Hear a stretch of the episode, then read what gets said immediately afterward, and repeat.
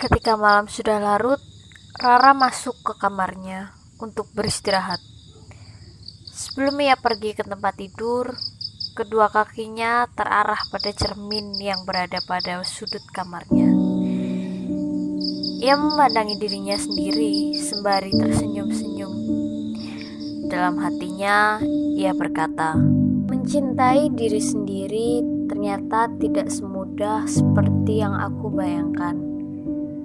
Seringkali perasaan kurang bersyukurku pada Tuhan ini muncul di saat aku mulai membangun kepercayaan diri.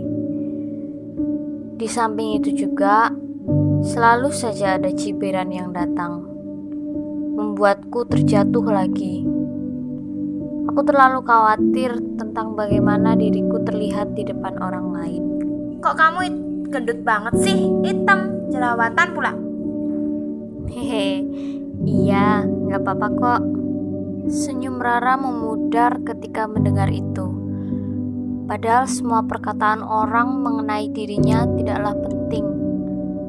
Tuhan telah menciptakan kita, pasti ada baik dan buruknya. Masalah fisik, apalah artinya? Semua sama fungsinya. Yang berbeda mungkin bentuknya saja. Tapi kenapa malah fisik yang harus dijadikan patokan?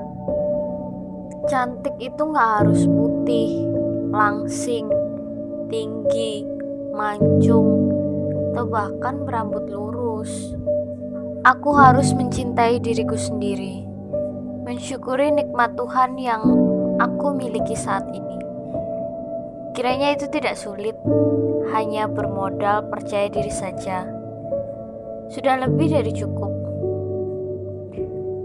Aku mampu menjadi diriku, melindungi diriku, dan mengobati diriku dengan menutup kuping rapat-rapat dan memejamkan mata rapat-rapat pula. Tuhan sudah begitu baik padaku. Sudah seharusnya aku selalu bersyukur padanya.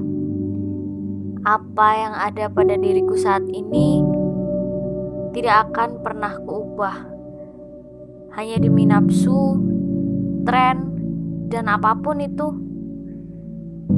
yang alasannya karena kurang bersyukur. Akhirnya sebelum Rara pergi ke tempat tidur, ia kembali keluar untuk berwudu. Dalam doanya, ia menangis dengan air mata. Ya Tuhan, andai semua orang menyadari bahwa wanita sejatinya diciptakan cantik. Mereka memiliki porsinya masing-masing. Tidak perlu kurus asal sehat, tidak perlu putih tapi manis, tidak perlu mancung asal pandai bersyukur. Ya, inti dari semuanya adalah bersyukur terlahir dengan fisik berkulit hitam, berambut keriting, dan berbadan gendut bukanlah sebuah kutukan. Ini merupakan anugerah bahwa manusia diciptakan Tuhan berbeda-beda. Biarlah orang lain berkata dengan mulutnya. Mengejek pun tak apa, tak masalah pula. Anggaplah bahwa diri kita unik karena berbeda dari mereka.